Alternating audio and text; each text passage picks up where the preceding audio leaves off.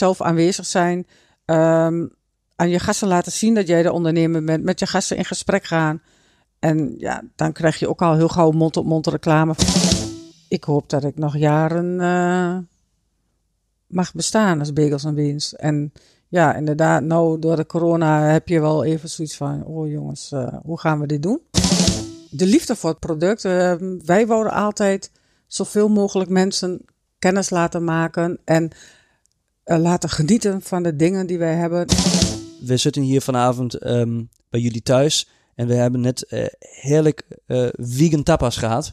en dit was, ehm, was echt heel erg lekker. En daar merk je dus ook echt eh, de passie. eh, en dat dit op, eh, oprecht is en eerlijk is. Weet je wel wie ik ken? De podcast om het beste met jezelf en je netwerk te halen.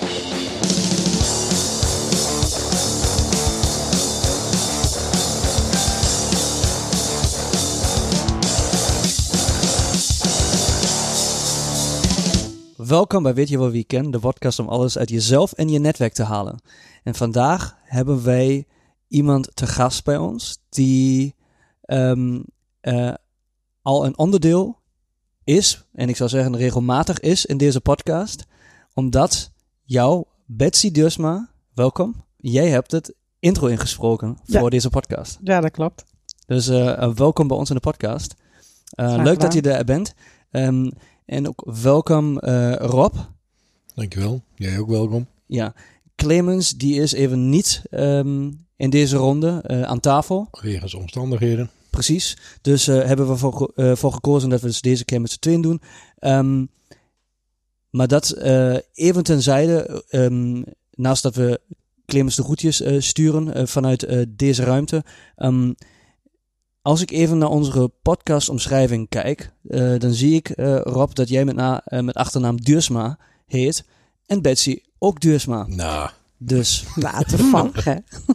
dus eh, eh, voor de luisteraars stelt zich nu de vraag: wat is de connectie tussen jullie twee? Dus ik eh, geef de bal even gewoon door naar Betsy. Eh, hoe staan jullie twee in verhouding met elkaar? Rob is mijn man, Oké, al 30 jaar. alright. Ja, mooi. Gefeliciteerd. 30. ja, ja, niet Ja. precies vandaag hoor, maar dankjewel. ja, ja, maar dat, Ja, dat eh, is goed. Dat. Daar mag je wel voor eh, feliciteren, vind ik. Ehm, Oké, eh, de luisteraars die ehm, eh, regelmatig luisteren bij ons, die hebben meegekregen wat Rob doet. Want hij is eigenaar van Bagels and Beans in Enschede. En dat doen jullie samen. Dus ook jij, Betsy, bent eh, eigenares van Bagels and Beans eh, in Enschede. Ja, dat klopt. Alright. Dus, ehm, en dan zijn we eigenlijk ook gelijk bij het onderwerp vandaag. En dat is eh, namelijk weer ondernemerschap. Ehm, eh, en wat, wat Bagels and Beans is, is misschien nog niet helemaal duidelijk beantwoord eh, in de afgelopen nee, nee. episode. Ik heb het nooit echt Ehm, uitgelegd. dus wat is, wat is Bagels and Beans eigenlijk? Ehm, dat is eigenlijk de eerste vraag die ik best interessant vind. Eh Bagels and Beans, wij zijn een lunchroom en wij zijn franchises. Alright. Ja. En franchise eh, betekent als je Je hebt je eigen zaak, maar je bent aangesloten dus bij een franchise. En ja, je hebt, je hebt dus eh, je bepaalde verplichtingen. Je bent eh, de menukaart. ja, heel veel dingen worden eigenlijk voor je geregeld. Ja. En daar betaal je natuurlijk ook een Ja. fee voor. Ja. En verder ben je wel eigenlijk helemaal zelf ondernemer. Moet je alles wel zelf doen. En betalen en Oké. Je hebt dus eigenlijk het concept, krijg je eh, van de franchisegever. Ehm ook een bepaald marketingpakketje Ja. wat, daarbij meer, eh, wat daarin meegaat. Eh, en ook wat voorwaarden aan die je Ja. moet voldoen. Tenminste, zoals ik het heb begrepen, ook van, vanuit jullie. Maar je, je bent volledig verantwoordelijk voor je eigen zaak. Ja. Dus als, als die naar de tyfus gaat, om Ja, het maar zo te dan is zeggen, ben je zelf schuld. Ja. Ja, Maar mag ik even een stapje terug? Eh, want ik hoor jouw concept zeggen. En dat concept. eh, een franchise zegt niets over het concept. En als je dan vraagt. eh, wat is Bagels and Beans? Dan is één antwoord inderdaad. Het is een franchise. Maar dat zegt niets over wat Bagels and Beans dan is. Wat is Bagels and Beans? Wat doe jij eigenlijk? Wat doet Bagels and Beans? Voordat je teruggaat naar Dat, ja. het concept franchise. Ja Nee, we zijn een lunchroom. Ja. Oké, en eh, lunchroom, wat, wat, eh, hoe moet ik mij dat... Wat lunchroom betekent dat je luncht. Dus het, heeft te maken ook met een bepaald tijdsbestek wanneer jullie open hebben. Ja, wij gaan al eh, vrij vroeg open. Nu, deze periode iets later in verband met de corona waar we zitten. Maar normaal gesproken gaan wij 's morgens eigenlijk om half negen nou open. Ja, En sluiten wij om half zes. oké. Ja. Je hebt het zelf al even genoemd, eh, het tijdspad waar we nu in zitten. F- ook een beetje interessant, eh, omdat we sommige interviews hebben gevoerd die voor corona hebben plaatsgevonden. Dus dat was het geen onderdeel, terwijl het wel ook gasten waren die een business hebben en een netwerk hebben wat wel behoorlijk is geraakt door corona. Ehm, eh, daar gaan we later nog wel op in. Mhm. Ehm, eh, dat u, maar het is misschien wel interessant om het te plaatsen voor de luisteraar van in welke tijdstip zitten we nu. Ehm, maar even terug ook naar de vraag van Rob. Ehm, het is een lunchroom, maar dat, eh, wat, eh, wat kan ik bestellen als ik bij Bagels Beans eh, kom lunchen? Wat je kunt bestellen bij ons, dat zijn voornamelijk dus bagels. Daarvoor Mm. ook de naam bagels. En koffie, maar ook lekkere sapjes en salades. Maar wat wel heel belangrijk is, wat misschien niet iedereen weet, dat wij geen alcohol schenken. Dus het zijn echt gezonde, biologische broodjes. Echt een En daghoor, ja. lekker, ja, Oké. lekker dingen. En krijgen jullie soms eh, rare eh, vragen als er geen alcohol is? Of eh, raar, dat mensen raar... Of, is het, of, of denken ze dan van, oh ja, lunchroom, ja tuurlijk, dan, dan is, is dat niet zo? Ja, er zijn wel eens, men, vooral smiddags natuurlijk, en eh, vooral als het mooi weer is in de zomer, dat mensen eigenlijk wel graag wel een wijntje of een biertje erbij willen natuurlijk. Ja. En dat is er niet, maar als je het uitlegt, ja, dan is het meestal wel goed. En nemen ze wel een lekker sapje of gewoon een lekkere koffie of thee. Ja, oké. Ehm, ik wil nu nog een stapje teruggaan. Eh nu zijn we al bij Bagels and Beans. Ik vind dit voor de introductie eh, goed geweest. Ehm, dat kunnen we later nog aanvullen. Maar ik, ik, ik vind voornamelijk interessant eh, wat, wat jullie samen runnen is dus een, een, een horecabedrijf. Ehm, maar hoe, beland je, hoe ben jij, Betsy, hoe ben je in de horeca beland? Eh, Wat is het verhaal daarachter? Hoe kies je daarvoor dat je dat, je dat wilt doen?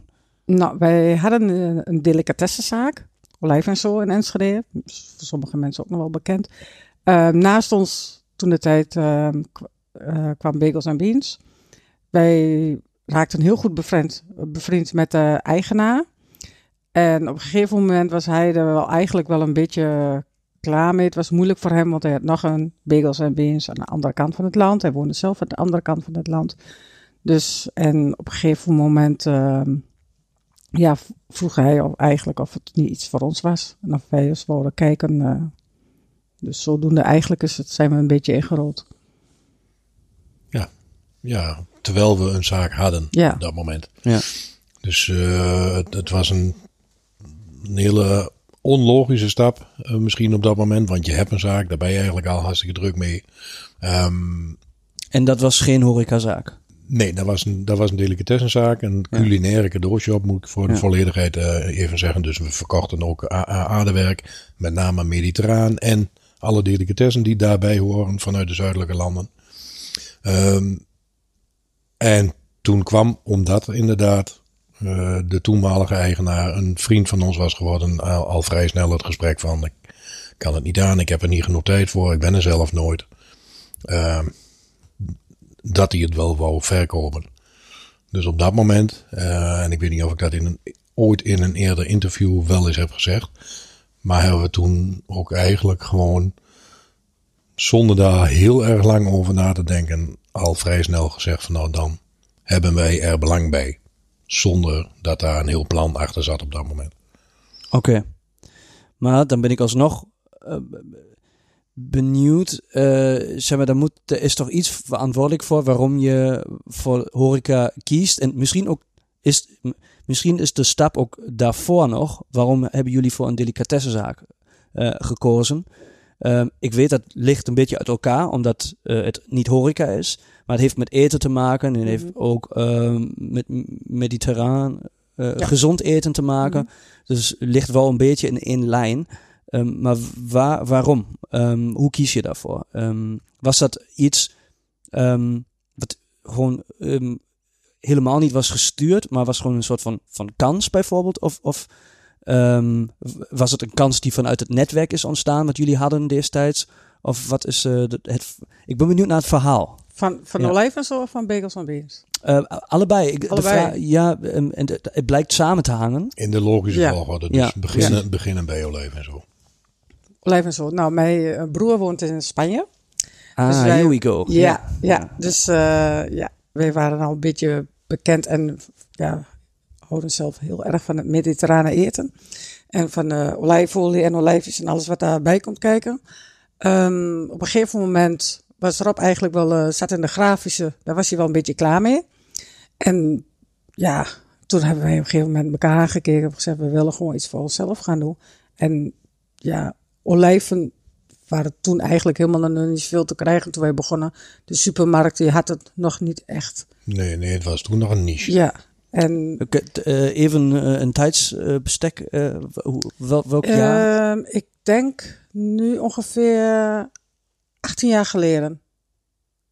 Als ik het goed heb. Toen de, 2002, wow. denk ik. Ook niet de meest handige ja. periode. Uh, want ik ben net... niet, niet goed met cijfers en daar hou ik me normaal niet zo mee bezig en jaargetallen. Hm. Maar wij zijn begonnen in de tijd dat de euro kwam. Ja.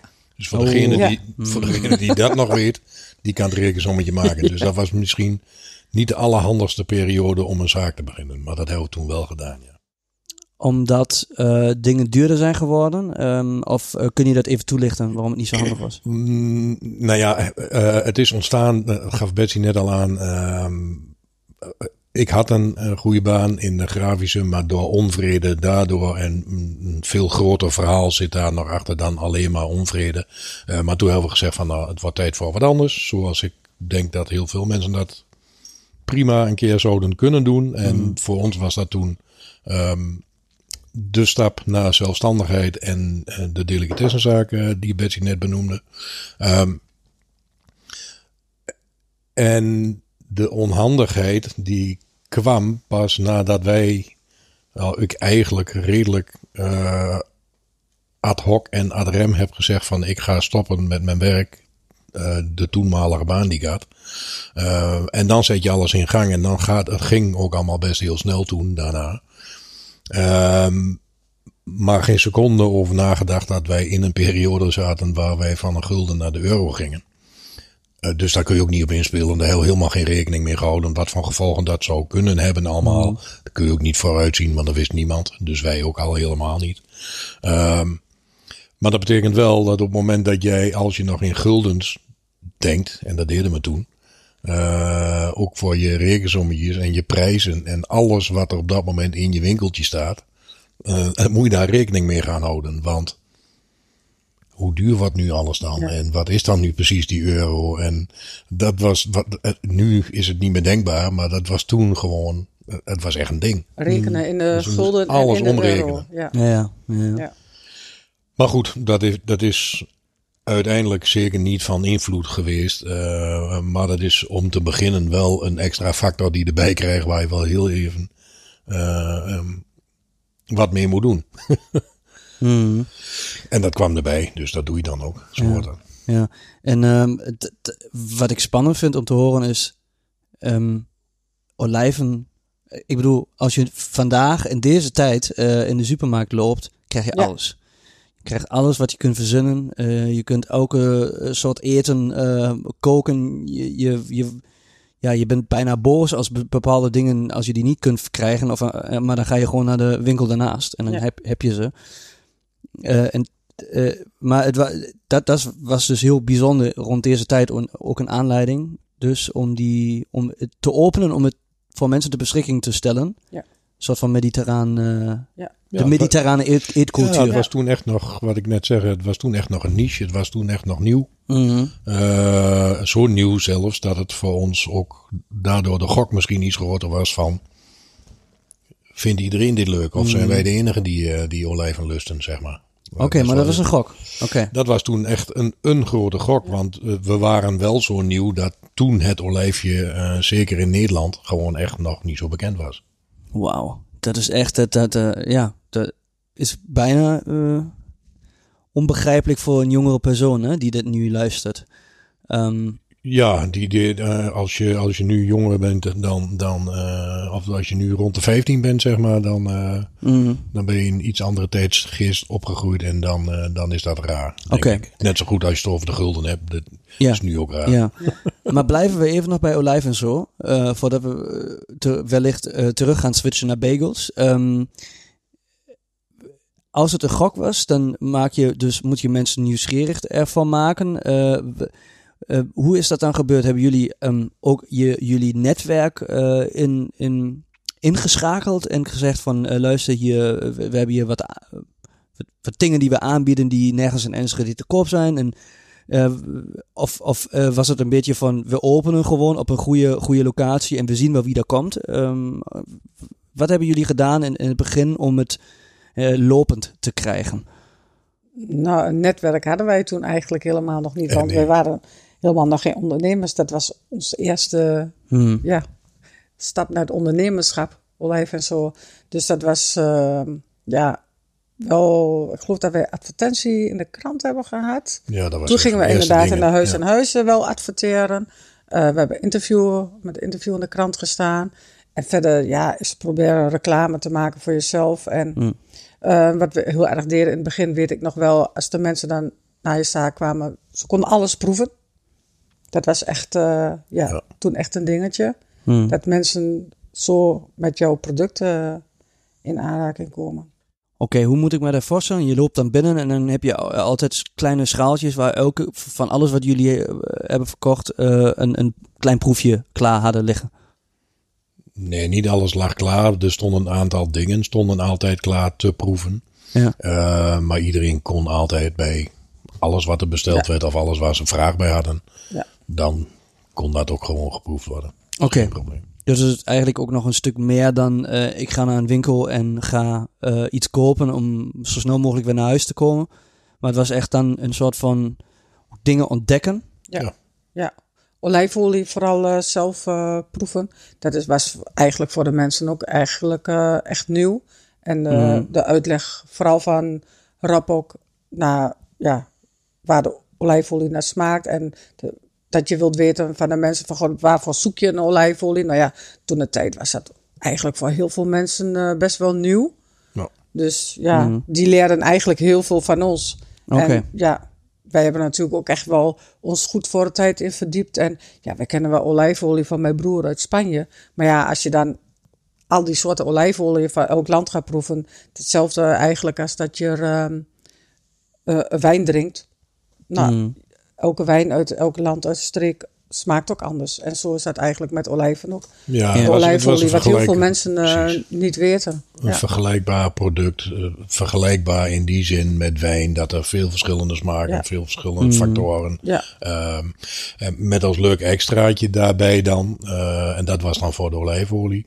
Dat wij naast dat wij de winkel hadden ook ehm, olijfolieproeverijen uh, na winkelsluitingstijd uh, deden. Dus men, mensen konden zich gewoon inschrijven. Ah, okay. En dan kwam je met een man of tien uh, de zaak in, s s'avonds, om samen meer te leren over olijfolie en olijfolie te proeven. Mm. En dat was naast de winkel iets waar ik zelf ook gewoon, wat we samen deden, ook altijd graag deed. En daaruit zijn ook uiteindelijk nog weer de de kookworkshops uh, ontstaan, die wij daarnaast ook naast de winkel nog deden. Dus het is begonnen met de winkel, daarnaast de proeverij, daarnaast de, de kookworkshops. Ja, toen zijn we verhuisd naar de, eigenlijk we zaten eerst aan de Kuipersdijk en toen zijn we verhuisd naar waar we aan de Kortengelostraat, waar we ook dus met bagels en beans zitten. Ja. En daar konden, hadden we toen ook echt de ruimte om tapas workshops, kookworkshops te geven eigenlijk. Ja. ja. Ja, allemaal in, in Enschede voor de mensen die zich vragen uh, welke, waar, waar zijn deze straten ja, uh, in godsnaam. Ja, ja, ja, allemaal in Enschede. Uh, Oké. Okay. en even terug op het mhm. netwerkje, want dat gaf Betsy helemaal terecht aan netwerk. en zeker voor iemand die nu in een netwerk podcast zit. dat is misschien ook wel de reden dat ik er zelf zo mee bezig ben nu. Toen wij begonnen hadden we dat eigenlijk helemaal niet. maar één persoon. En dat was mijn zwager, Betsy's broer, die in Spanje woonde. En daar hebben we ook heel lang, eh, tot op het laatst eigenlijk, olijfolie eh, van ingekocht. We zijn met hem naar fabrieken in Spanje geweest. Ah, ja. Eh, dus dat was Ja. eigenlijk ons enige netwerk op dat moment voor die zaak. En dat hebben we ook gebruikt toen. Mhm. En verder eh, zijn we echt de volledig blanco ingestapt. Maar die link die was er zeker, ja. Anders was het waarschijnlijk helemaal nooit zover gekomen. Twee, drie gedachten die nou in mij opkomen. Eén, maar één is direct, ehm, ook is het maar één persoon. Het is wel een belangrijke persoon. Eh, ik, want Ja. ik, eh, ehm, mijn vriendin, jullie kennen haar, eh, ze is nu bezig om een, om een ehm, fashion label op te bouwen, een duurzaam fashion label. En de grote uitdaging is ehm, eh, te, uit te gaan vinden waar ga je daadwerkelijk produceren en, en de juiste contactpersoon te vinden die dan, eh, als je ervoor kiest in het, in het buitenland het te laten produceren, die ook de, de juiste ingangen heeft en ook waar een bepaald vertrouwen zit. En, en we hebben, eh, daar heeft Clemens ook al veel altijd over ehm, gesproken. We hebben het ehm, gehad over een breed en een diep netwerken. Je kunt heel veel mensen kennen, eh, maar als er niemand tussen zit die juist een contactpersoon is voor dit wat jullie hebben gedaan en wat jullie gelijk vanaf het begin af aan hadden, dan wordt het lastig, denk ik. Eh, en dit is, dit is mooi om te horen. Dan, en, en de tweede gedachtegang is, het is weinig netwerk wat in het begin ervoor was. Dat vind ik echt motiverend, ook voor, voor bijvoorbeeld een, een, een jonge ondernemer die nu luistert, die misschien wel plannen heeft. Nou, laten we eh, corona nog even eh, aan de kant schuiven, want het is denk ik ook nog wel even een totaal ander verhaal of je eh, een, een, een zaak in de horeca of een delicatessenzaak wilt beginnen in, in tijden zoals nu. Maar ehm, even los daarvan, de motivatie krijg je vind ik wel daarvan dat, dat je met een klein en diep netwerk prima kunt beginnen Ja, en het laat groeien. Ja. Als je ook creatief bent. En wat ik hoor is zeg maar dat jullie niet bij stil hebben gestaan om te zeggen van we verkopen dit soort dingen. Nee, we doen ook proefworkshops, we doen kookworkshops. Dus je bereidt het uit, je bent creatief. En ik hoor daar ook, en dat is eigenlijk dan de volgende vraag ehm, aan jou Betsy. eh, eh, dat ik, ik, ik, ik hoor daar een beetje dat echt passie gedreven was, dit ook allemaal te doen. Ehm, dus ik neem aan, je bent ook graag, ehm, je, je kookt graag en je bent gewoon überhaupt graag bezig met eten, toch? Ja, absoluut. Is dat altijd zo eh, geweest, ook voor Olijf en zo? Of ehm, is dat daardoor... ik, ik vraag het daarom, eh, en, en sommige mensen vragen zich misschien nu, ah, wat heeft dat met ondernemerschap te maken? Het heeft fucking veel met ondernemerschap te maken. Hoe, eh, hoe, hoe je passie voor dat in elkaar zit wat je wilt doen. Ehm, ja, doordat ik eigenlijk dan, dat mijn broer in eh, Spanje eh, woont en dan kom je daar en dan zie je hoe de mensen daar leven en eten. Nou, dat, dat vonden Rob en ik eh, allebei eh, helemaal geweldig en Mm. vonden we super lekker. En Nog leuk. steeds. Nog steeds, ja. Ja. En voorheen qua koken deed ik, ben ik heel eerlijk, niet zoveel. Want ehm, Rob was eigenlijk altijd, toen wij allebei nog voor een baas werkten, zeg maar, eerder van het werk thuis als mij. En die kookte altijd. Mhm. Toen kwamen de kinderen, nou toen ging ik natuurlijk vanzelfsprekend wel, was ik thuis koken. Maar niet zo gedreven eigenlijk als op een gegeven moment als je in Spanje terechtkomt en je ziet hoe daar met, hoe, eh, hoe de mensen daar met het eten omgaan. Wij Mhm. in Nederland is eten eigenlijk was altijd een, een Noodzakelijk kwaad, noodzakelijk. Ja. Ja. Nee. En in de mediterrane landen, daar leven de mensen echt met het eten. Daar gaat, is alles anders. Mensen zijn daar rond etenstijd ook altijd eh, welkom. Hier in Nederland is het bij heel veel mensen zo van... Oh jee, die komt rond etenstijd. Oh, heb ik helemaal niet genoeg. En eh, oh, als ze nou maar zo weggaan. Mhm. Hè, want we moeten eten. En ja, dat, in die mediterrane landen ben je altijd welkom. Mhm. En ja, dat draait alles heel anders om te eten als hier in Nederland. En als je daarmee in de aanraking komt, en ja, dan kan het inderdaad in keer een passie worden. Ja, Ik laat, het, ik laat het even een beetje bezinken. Ik vind dit gewoon mooi, ook echt voor, voor beginnende ondernemers. Of ook steeds, ook voor reeds gevestigde ondernemers die wellicht dingen doen inmiddels waar, waar ze helemaal geen vuur meer voor in, in huis hebben. Zeg maar, waar ze helemaal niet meer voor, ik, weet- ik weet niet, het is te Duits wat ik zeg, hè? waar ze niet meer voor nee, brand. Ik denk, ik denk dat iedereen dat, eh, iedereen dat begrijpt. En de, de, de passie hebben we het in meerdere eh podcast eh, afleveringen ook al wel over gehad. Zeker voor een startende ondernemer denk ik dat als die niet aanwezig is. nou ja, ik, ik denk dat je dan helemaal niet zo snel voor jezelf moet beginnen. En hij hoort bij iedere ondernemer aanwezig te zijn. En als je vol passie begint, ehm, dan denk ik dat het ook makkelijker is Mhm. om met een heel klein netwerk te beginnen. Want de passie is in eerste instantie de allereerste eh, eh, pijler van volgens mij een succesvol, succesvolle onderneming. Ja. Want als die passie ontbreekt, dan heb je ook niets meer volgens mij aan een heel groot netwerk. Ja. Dus die basis die moet er volgens mij altijd zijn. Zeker voor een, voor een startende onderneming. Mm. Ja, eh, ik moet toch wel even de rol van Clemens eh, instappen. eh, want die zou zeggen van ja, dat, dat hij dat niet volledig mee eens is, denk ik, gok ik. Want als het om de centen draait, hoe kan de passie ook, weet ik veel, helemaal niet aanwezig zijn. Dan is het passie voor geld en dat is toch ook goed. Ja, dat zal voor. voor ja, jij- mag zo weer best. Ja. Ik ga het ook niet helemaal overnemen. Maar dat zal voor sommige mensen zeker zo zijn. Ja. En ook hier hebben we het vaker over gehad. Eh, en dat, dat, dat blijft ook gewoon echt een heel persoonlijk ding. Ik zit, Mm. zit zat en zal nooit zo in elkaar komen te zitten. Eh, en los daarvan denk ik ook dat eh, een ondernemer die voor geld gaat en die geld eh, het belangrijkst vindt, bijvoorbeeld. ehm, dat als die passie ontbreekt, dat het dan nog steeds dus echt een heel moeilijk dingetje wordt. Ja.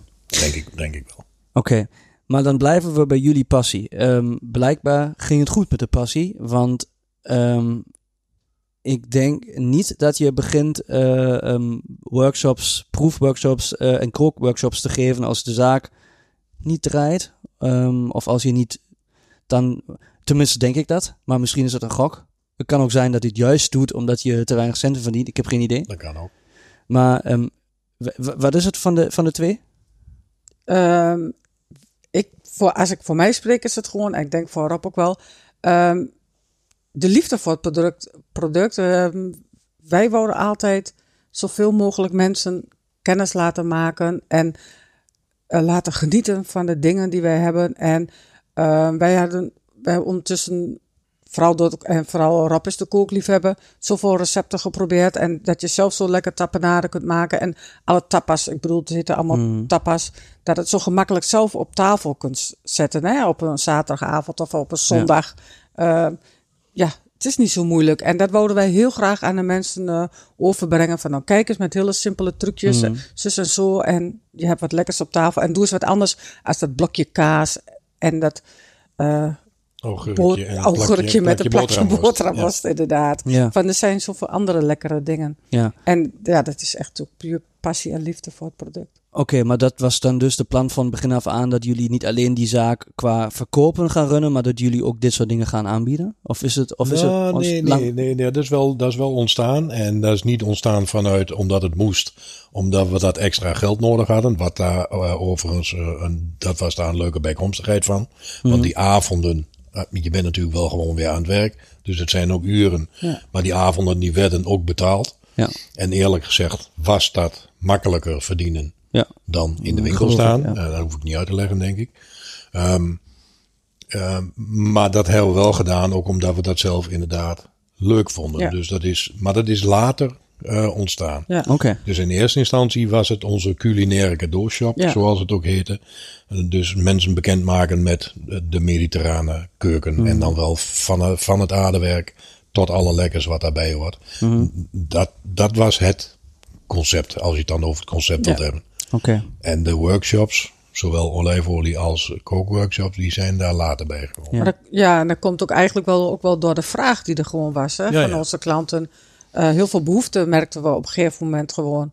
En Rob, die werd, eh, ja, werd er zo vaak, eh, vooral op laatst toen ik op een gegeven moment had ik zat ik bij Bagels en Beans en hadden we twee... We hebben tijd dus eh, een paar jaar nog twee zaken gehad. Die ik Bagels en Beans en Rob Olijf en zo. En die was ik, nou, volgens mij eh, zo vaak elke dag wel. En merendeel ook echt mensen eh, advies aan het geven. eh, En recepten. En met recepten. Ja. En uiteindelijk werden we steeds vaker, of ik werd steeds voor de olijfolieproeverij en steeds vaker op locatie gevraagd ook. Dus ook naast de zaak hadden mensen zoiets van, hey, kom eens een keer langs of om een kookworkshop te geven of Ja. om een eh olijfolieproeverij te geven op locatie. Hmm. Ja, superleuk. Maar dat zijn dan dingen die, eh, nou ja, goed, dat, zul, eh, dat, dat, dat heb jij ook met dingen, en dat hebben de meeste mensen met dingen die jij doet en waar jouw passie ligt. Eh, als je dat twee keer doet en je doet dat goed, en wij deden dat goed, Dan komt de navraag. Dan komt de navraag. Mond tot mond reclame. Ja. Ja, en, en, en Ja. zo werkt dat dus met alles. En dan kun je zelf daarvoor kiezen van ga ik Mm. daarin mee, vind ik dat leuk of vind ik dat niet. Dus als jij een dingetje doet waar je goed in bent, dan is de kans Mm. ook vrij groot dat je daarvoor gevraagd wordt. Dat is inderdaad, eh, en dan zijn we weer bij het punt hoe belangrijk passie, eh, passie is. Want passie Ja. leidt tot eh, een goed resultaat en leidt Ja. tot goede mond-tot-mond reclame. Ja. Ehm, wat denk ik, eh, denk ik ook sommige jongeren, niet alleen jongen, ik wil niet altijd jongen zeggen, maar som- sommige ondernemers onderschatten. Want in, in deze tijden waar je, ehm, en ik zit in de social media wereld ook, eh, eh, waar je altijd hoort van ja, je moet advertising, je moet je, je, je moet je digital marketing, eh, je online marketing voor elkaar hebben en zo. Ehm, dat is allemaal goed als je dat goed voor elkaar hebt.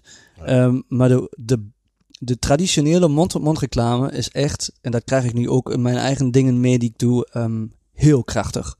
Ja. Eh, dat, dat, is, dat is leuk. Ehm, eh, maar je hebt, nu wil ik weer richting Bagels en Beans komen. Betsy, je hebt het net al eh, em, gezegd dat jullie dit twee zaken tegelijkertijd hebben gerund. Dus was het niet de, zeg maar, we maken de zaak dicht en gaan naar Bagels en Beans. En, eh, maar jullie hebben geprobeerd het allebei te doen. Ja.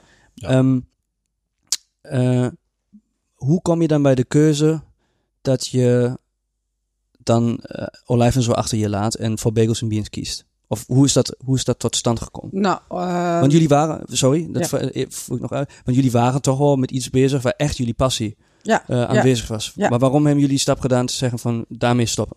Nou, ehm, op een gegeven moment eh, werd het eh Bagels and Beans, toen wij het overnamen, was het nog niet zo'n goed lopende zaak Ah, als, als het nu is. En ja, eigenlijk, eh, ik was, ik denk dat, eh, even kijken, ongeveer twee jaar, twee jaar eh, alleen heb gedaan. Hè? Met personeel hoor, erbij, inderdaad. Maar op een gegeven moment was het, moesten we bij Olijf en zo anders weer tekenen voor vijf jaar huur. Hmm. En ja, kon Rap gewoon niet meer missen bij Bagels en Beans. Ik had hem gewoon nodig. En hij zat met Olijf en zo, dat hij daar ook alleen stond. Wel af en toe met twee part-time dames. Maar we merkten op een gegeven moment van... ehm, je moet zoveel energie eigenlijk aan twee zaken geven... dat eh, allebei de zaken krijgen te weinig van ons Hè, van ons, ja, Hmm. van ons beiden. Ik had erop gewoon bij Bagels en Beans erbij nodig. Dat het gewoon te druk werd. En Rob had mij eigenlijk ook bij Olijf en zo en nodig. Dus Ja, dus dan maak je de keuze van, ja, weet je, wa- wat moeten we doen? We hebben hier Olijf en zo, onze passie. Leuke zaak, wat goed loopt. We hebben Bagels en Beans, die is super hard aan het groeien. Hmm. Ehm, ja, Was het de keuze dan voor eh, de groei van Bagels? ja. Want ik, ik bedoel, ik ken dus, ik ken ook hier weer, eh, we, we gaan het nog over hebben, ook even corona tenzij. Mhm. Eh, ik eh, ken Bagels en Beans dan nog voor corona. Mhm. En dit hebben jullie wel echt, echt.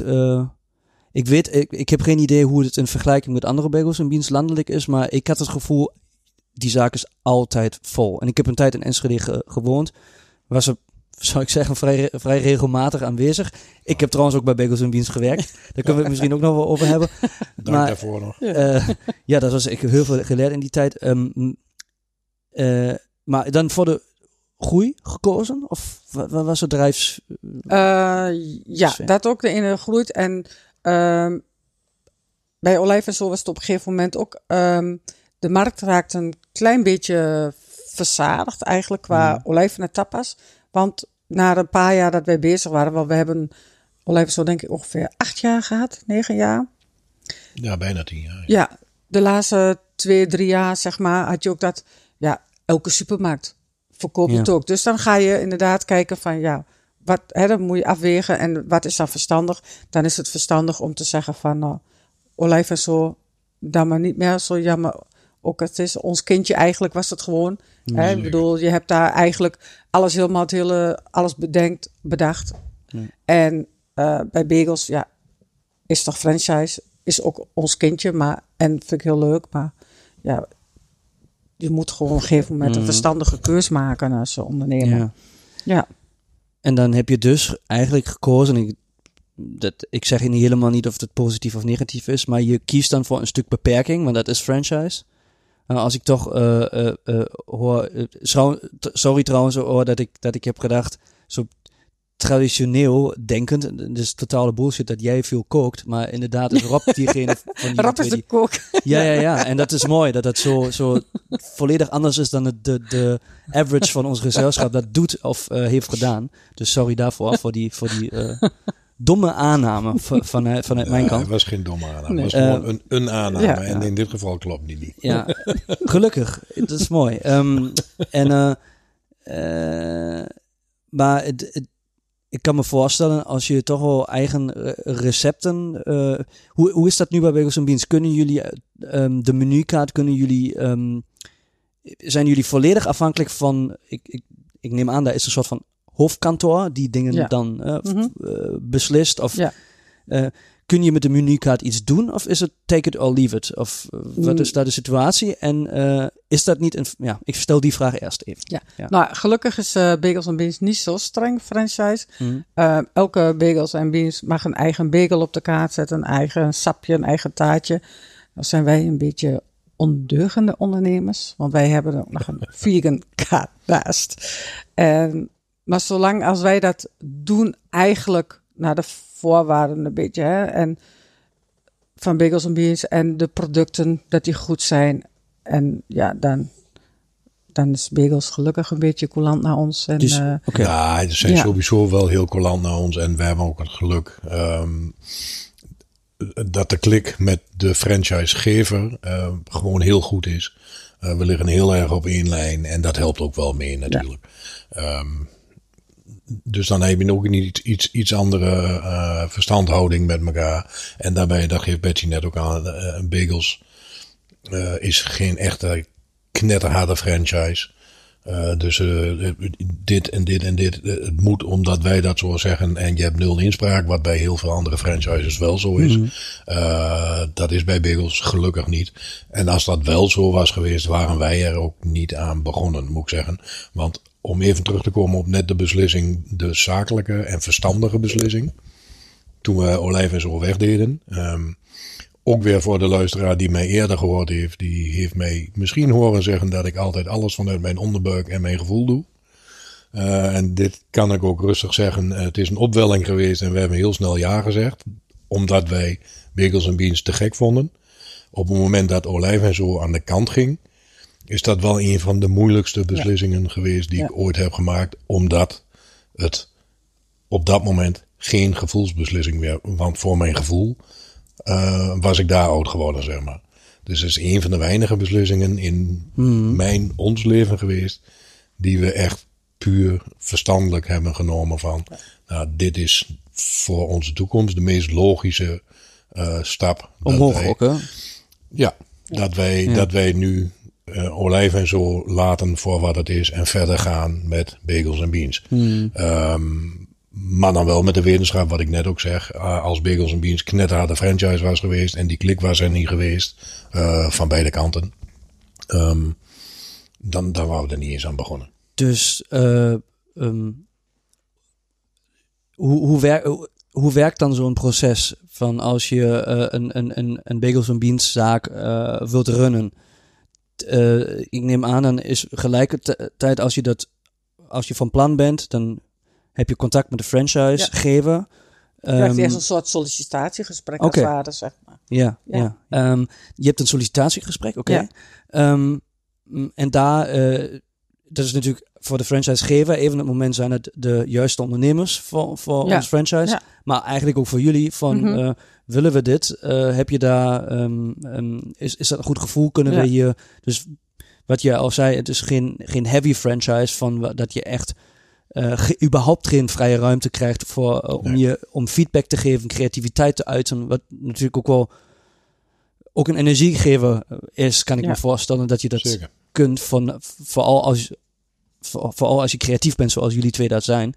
Ehm, maar neem mij mee in het of neem jullie mij mee in het proces van hoe werkt dat dan Eh, precies? Je hebt een sollicitatiegesprek. Hoe ziet het eruit Nou en wat zijn de stappen dan? Ja, nou, het was voor ons natuurlijk een beetje anders eigenlijk, omdat wij de eigenaar van Bagels Beans goed kennen. Mhm. En hij eigenlijk eh, op een gegeven moment ons eh, meenam naar... De eigenaar van de zaak Ja, van- die van- voor van- jullie de eigenaar was. Ja, Die ook een Nou, tweede zaak ja, ook had. in, Rotterdam. Daar Ja. nam hij ons mee naartoe van, hey, kom daar ook eens even kijken hoe daar met Bagels en Beans is. En toen had hij eigenlijk eh, ondertussen ook even naar het hoofdkantoor gebeld. Zo van, hey, eh, ik ben in de buurt met Rob en Betsy eh, en eh, vind je het goed als ik langskom? Nou, dus toen gingen we in één keer eh, in Utrecht langs om kennis te maken eigenlijk met de franchisegevers. En ja, was het ook eigenlijk meer een gesprek om te kijken of de klikte was. Hè? Van, want Ja. bij de Bagels op het hoofdkantoor hadden we dus iets van ja, maar dat zijn ondernemers die een eigen zaak hebben en willen ze niet te veel zelf ondernemen, zijn ze wel geschikt voor franchise? En Mhm. wat verwachten ze van ons? Ja, dan moet ik er nu wel, wel bij zeggen, in dit hele verhaal, eh, want dit is nu ook alweer ruim tien jaar geleden eh, dat dit speelde. Eh, is er inmiddels ook bij Bagels Beans heel veel veranderd. Dus Ja. voor iedereen die niet zit te luisteren en die denkt van nou, ik vind het helemaal te gek. Ik wil ook een Bagels Beans, kan ik me voorstellen. Ja. Eh, zo gaat het nu niet Nee. meer. Ja. Eh, dus ook Bagels Beans, die, die staan daar nu door leermomentjes, laat, ik- laat ik het dan Mhm. maar zo zeggen, ook iets anders in dan dat zij Ja. daar Ja. in het begin in stonden. En wij hebben toen het geluk gehad, A, dat wij een van de eerste ondernemers waren die een franchise wouden. Ja. Want dat is al niet heel gebruikelijk. De meeste mensen die beginnen, die beginnen zonder dat ze iets weten en denken dat dat het voordeel van franchise is. Mhm. Want ik kan zelf, nou chargeer ik het even nog, want ik kan zelf niks. Dus ik begin een franchise, want daar wordt alles voor me gedaan. Eh, nou, voor degene die luistert en die denkt dat dat zo is, laat ik die direct uit de droom helpen. Dat is verre van waar. Zoals het altijd u- eh, trouwens überhaupt met ondernemerschap is. Ja. Als je denkt dat alles voor jou Ja. wordt gedaan en onderne- ondernemerschap is gewoon even lekker terugleunen, Ja, dan moet je misschien Ja. eh, een vaste baan eh, Ja. toch beter kiezen. think again. Ja, dan, Ja. Dan, eh, dan heb je echt niet begrepen. En voor franchise is dat ook zeker niet waar. Eh, je moet nog steeds wel zelf je ondernemerscapaciteiten eh, hebben. Je moet wel snappen waar je staat te doen. En bij franchise heb je het voordeel van ah, de gezamenlijk inkoop bijvoorbeeld van je bedrijfsnaam. eh, dus je naamsbekendheid. Dus er zitten ook voordelen aan. maar in ons geval kon het ook maar zo zijn dat er nadelen aan zaten. Want, dat zegt Betsy net ook al, wij waren al ondernemer. En om iemand een nieuw trucje te leren, is niet altijd makkelijk. Maar ook dat ging, dat ging eigenlijk goed. En we hadden een heel leuk eerste gesprek. Ja, Dus maar is voor, voor, ik ga Betsy daar nu ook dan niet meer in onderbreken. Maar het is nu niet meer zo Nee. voor de luisteraar dan dat het toen wij begonnen was. nee, daarom zeg ik, voor ons was dat, Mm. ja, dat, zeg maar, dat sollicitatiegesprek waar je eigenlijk normaal eigenlijk een beetje hebt.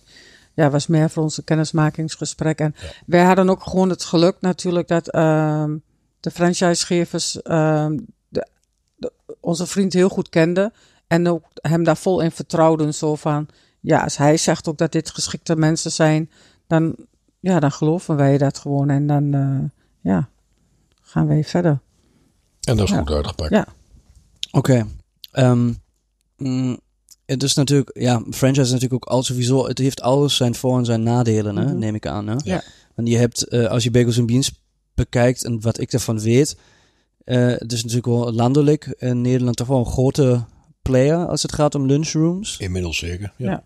Eh, ik weet niet hoeveel, zijn Tot 90 de of 80 90 of zo, ja. Ja. 80, iets in de 80 nu. in heel Nederland. Mhm. In heel Ja, Nederland. dat is ja. wel, dat is wel eh, een groot aantal. Ja. Ja. Ehm, eh, En eh, ehm, nou ja, eh, wat je natuurlijk dat wel hebt, is landelijk marketing ook. Hè? Dat Ja. A, door natuurlijk dat je overal zaken ziet. Eh, Ik bedoel, als ik in Amsterdam ben, eh, zie ik daar gewoon eh, best vaak eentje eh, voorbij mij, komen. eh, 16 alleen al in Amsterdam, dacht ik. Ja.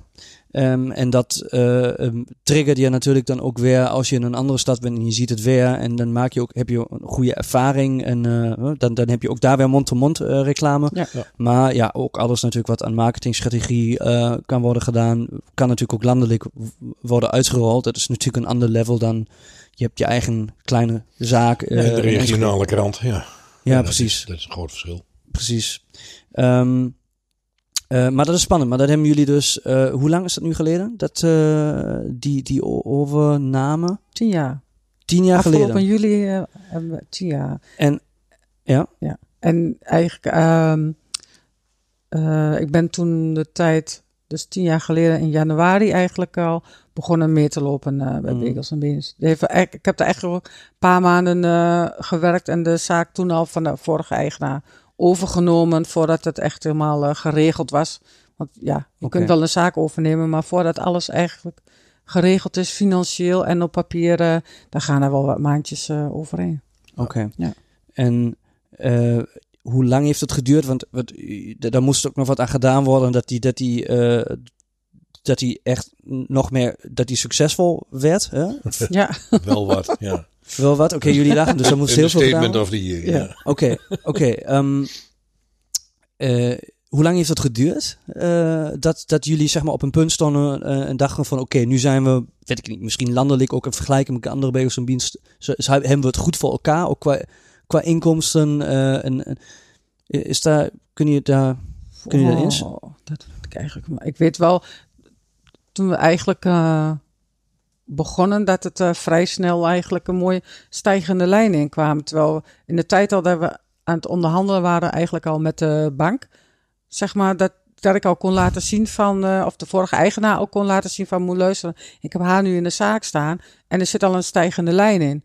Dus ja, dus dat ging, eigenlijk ging het vrij snel allemaal wel gelukkig. Dus en dat ik ook al, ja, meteen eigenlijk al iedere keer al mensen, personeel erbij aan moest nemen, omdat het eh, ja, Oké, goed begon te lopen. oké. dus je, je geeft al een antwoord op de vraag die ik nu wou stellen, namelijk je stond zelf in de zaak, dus Mhm. je hebt dan blijkbaar dingen beter gedaan die iemand voor jou die in de zaak stond, Ja.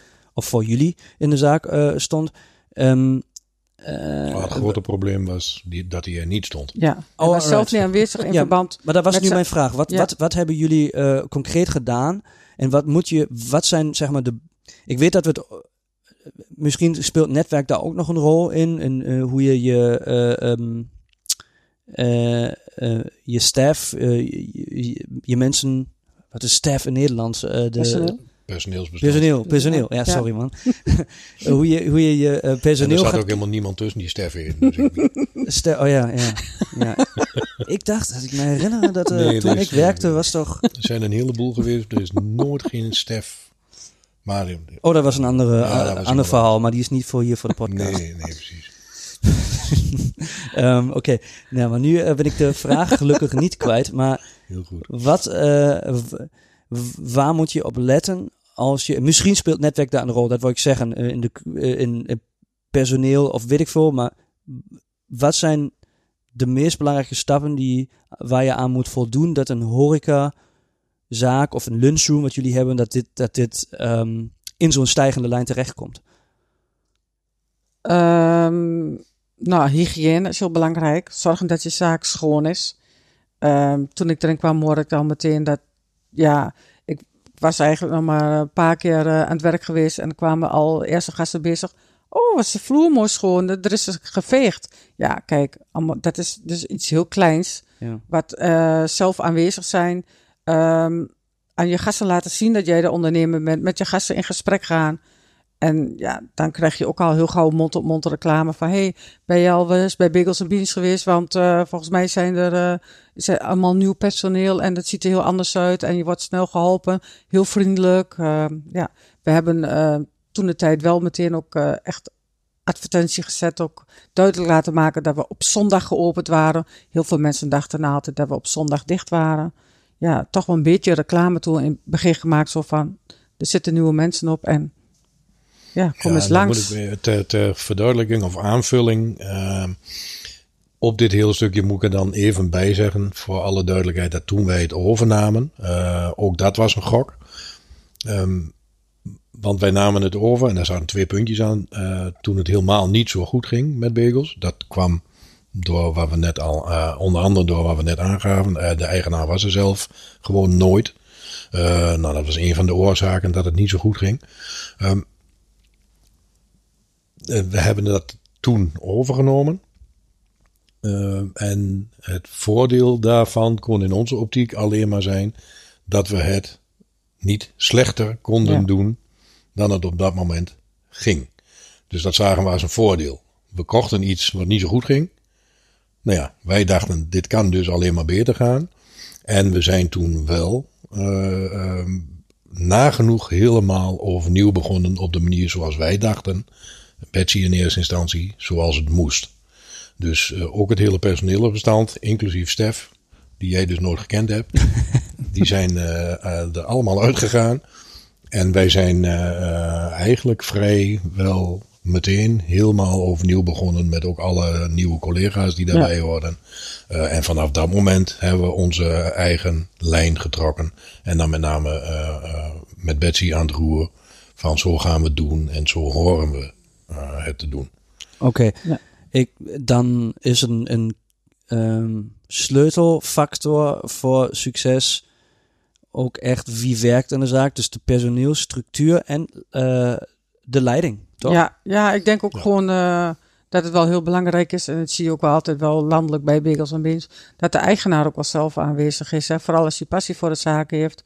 En ja, de gasten hebben dat ook gauw in de gaten. Wij, ik weet nog wel dat we, in het begin moest ik daar heel erg aan wennen. Met Rob, dan kwamen we zo op een vrije dag in de zaak.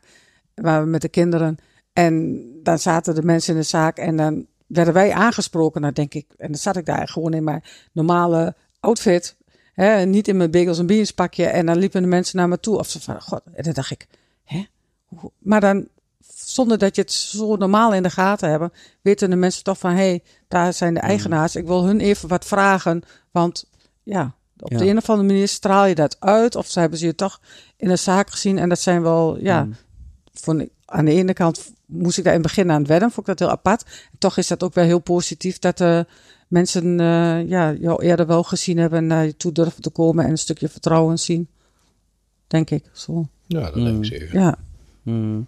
Maar ja, wij hebben dat moment zijn we nooit meer zelf met de hele familie en de kinderen in de zaak geweest. Want werk is werk en thuis is thuis. Nee, maar waarom ook eh, in het begin dus ook toen de zaak nog van de vorige eigenaar was, hebben wij ook meteen gezegd, wij willen de zaak wel overkopen. maar ehm, ben ik er meteen gaan staan. Ook vooral zo van, ik ga, als dit nog maanden duurt, zien wij die zaak ook alleen maar naar beneden gaan. En we hem voor de tijd dan naar boven zien gaan. Meteen, en dat, eh, dat was een stukje profijt voor ons ook. Ja. Ik bedoel, ik heb dan wel daar gestaan. Gewoon voor ons eigen alvast. Mhm. En hoe belangrijk is eh, de structuur op de werkvloer eh, en de communicatie? Voor, is dat ook een sleutelfactor voor hoe succesvol het loopt? Ja, ja dat vind ik wel. Communicatie. Hebben of, of andere vraag, hebben jullie het veranderd eh, ten opzichte van ehm, die eigenaar voor jullie? Of is het sowieso een vast concept hoe je dat opbouwt vanuit bagels? Ja, Bagels heeft al ehm, wel bepaalde regeltjes en zo. Van ja, eh, voldoe hier aan, voldoe daaraan. Eh, we krijgen altijd eh, personeelstrainingen vanuit eh, het hoofdkantoor ook. Ja, en daar kun je als ondernemer wat mee doen of je doet niet wat meer. Ik moet zeggen, wij hebben er altijd mee gedaan. Mensen hebben on- ons in het begin ook wel eens gevraagd, andere bagels en beans ondernemers, van hoe, hoe hebben jullie dat gedaan dat je die zaak zo gauw omhoog krijgt, dat het zo groeit?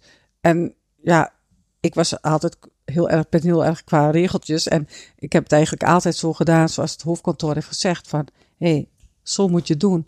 En dan, dan krijg je goede bagels en. Ja, dat hebben wij ook eigenlijk altijd gedaan. Oké.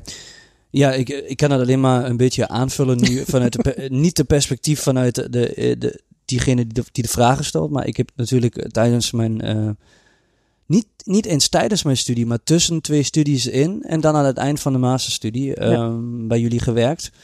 Eh, in de eh, bediening, maar liever dan eigenlijk achter de bar bij de koffie. Dat was e- echt mijn favoriete plek. Oh, ik Eh, vond je ook goed in de bediening hoor. ja, was, eh, ja, als je leuk contact kan hebben met, met mensen, dan, dan is het ook. Ja, maar het is voor mij, ik vond de, de koffie maken gewoon wat leuker. Ja, Snap ik, vind ik ook. ik, ja. Eh, I know. We, hebben- ja, we hebben ook echt een tijdje samen achter de, de, de koffieapparaat gestaan. Maar soms heb je natuurlijk die werkuren waar echt eh, de, de spitsuren eh, Ja. tijdens lunch. Mhm. tijd. ehm dat is wel behoorlijk, eh, dat is wel behoorlijk druk. En dan moet je echt gewoon structuur hebben en weten wie is voor wat verantwoordelijk. En eh, ook die structuur dan ook hoe je bonnetjes afwerkt. En Mhm. dat was eigenlijk een beetje de vraag waarom ik die heb gesteld. Maar ik weet het eigenlijk ook zelf. Ehm, Ja. Ik vind de structuur ehm, in de Bagels and Beans zaken, tenminste van, van jullie zaak die ik heb leren kennen, ehm, eh, wel, wel eh, streng, Mhm. eh, maar ook goed. Ja. Want daardoor ehm, doe je alles in dienst voor, voor de klant. Ja. en Dat die. Dat die een, waar ik me heel erg aan, aan kan ergeren, zeg maar, in, als ik iets bestel en ik krijg het niet, ehm, niet alles gelijk samen. Mhm. En dus ook niet allemaal alles warm. Mhm. Eh, dat is aan de ene, en dat is management. Dat is echt Ja. wel management. En ehm dan moet je een bepaalde structuur hebben dat dat goed komt. En de manier van hoe werk je bonnetjes af, dat je voor één tafelreservering dus alles klaar hebt. ja. En het is gewoon netjes, op tijd, het is Mhm. warm, iedereen is blij, iedereen heeft het ook tegelijkertijd. Want je wil gewoon, als je, als je koffie hebt en thee, dan wil je toch samen gaan, eh, Ja. gaan drinken. Mhm. Eh, dat zijn eigenlijk hele simpele dingen, maar het is niet zo simpel in, drukke, drukke, in een drukke spits om dit eh, voor elkaar te krijgen. En ik, ik heb hier, moet ik zeggen, heel veel geleerd. en en, en ook, ook geleerd wat, wat hard werken betekent. Ehm, eh, en, en- met streng bedoel ik helemaal niet dat, dat jullie nu als eigenaar er een, zeg maar, achter de... ehm, achter ons eh, werknemers stonden met, met een met stok of Nee, zo. gelukkig ik Helemaal mezelf ook hard mee, hè? Nee, ja, precies, helemaal. Jullie leef, hebben dat voorgeleefd. Ehm, ehm, ja, maar ja. Dus in die zin indrukwekkend. Er zijn veel restaurants en lunchrooms waar ik ook te gast ben geweest waar die, dit soort dingen niet kloppen. En dan, het is dus jammer, want dat, eh, dan kom je daar minder graag. Ja, Ehm, dat is in het algemeen jammer voor de hele horeca, denk ik, ja. Ja. waar dat gebeurt. Ja. En nog een reden waarom ik eh, nooit meer snel naar een restaurant ga, is als het personeel, dus de bediening, niet vriendelijk is. Ik vind dit is echt een. ehm, dan, dan, voor mij kan soms dan ook een bestelling, ehm, dat het allemaal, weet je, dat het niet lekker Mhm. gewoon, dat dingen niet kloppen of dat wat te laat komt, dat vind ik is. Daar kun je soms eh, daar kun je aan de kant schuiven als de bediening er alles aan doet Ja. dat je een goede tijd hebt. Mhm. hè? Want daar, ik bedoel, anders zou je ook natuurlijk ook zelf thuis kunnen koken. Ja. Maar je, je gaat ook voor een bepaalde eh, luxe Beleving. beleving naar een restaurant toe. Dus ook nog beleving, Ja. ook misschien ambiente. Mhm. Daar hebben we het dan ook over bagels en beans. Ja. heel veel tijd in gestoken in hoe het eruit ziet. Ehm, en wat er voor concept achter zit. is echt, eh, echt ehm, ja, ook, ook een spannende punt. Maar even bij de bediening. Ehm, eh, speelt netwerk een rol waar, waar jullie eh, bediening uitkiezen? Of is het gewoon een vacature en mensen komen binnen? En, hoe kiezen jullie of hoe stellen jullie een team samen die op de werkvloer staat en waar het allemaal klopt? En is dat een vast team of zijn dat mensen die toch wel regelmatig wisselen? Eh, en moet je altijd weer opnieuw gaan kijken wie is de juiste die meewerkt? Eh, wat eh, speelt netwerk daar een rol? Dat is de ene vraag. En zo niet, wat is alsnog belangrijk om een goed team voor elkaar te krijgen? Nou, netwerk eigenlijk niet zo. Mhm. Wij, ik weet wel, wij in, het, in het begin hebben wij heel veel met studenten gewerkt. En jonge mensen, ja, dat, je moet natuurlijk op die kosten letten, personeelskosten en alles en zo. Op een gegeven moment ehm, gingen wij toch meer ook wat voor ervaring. En oudere mensen.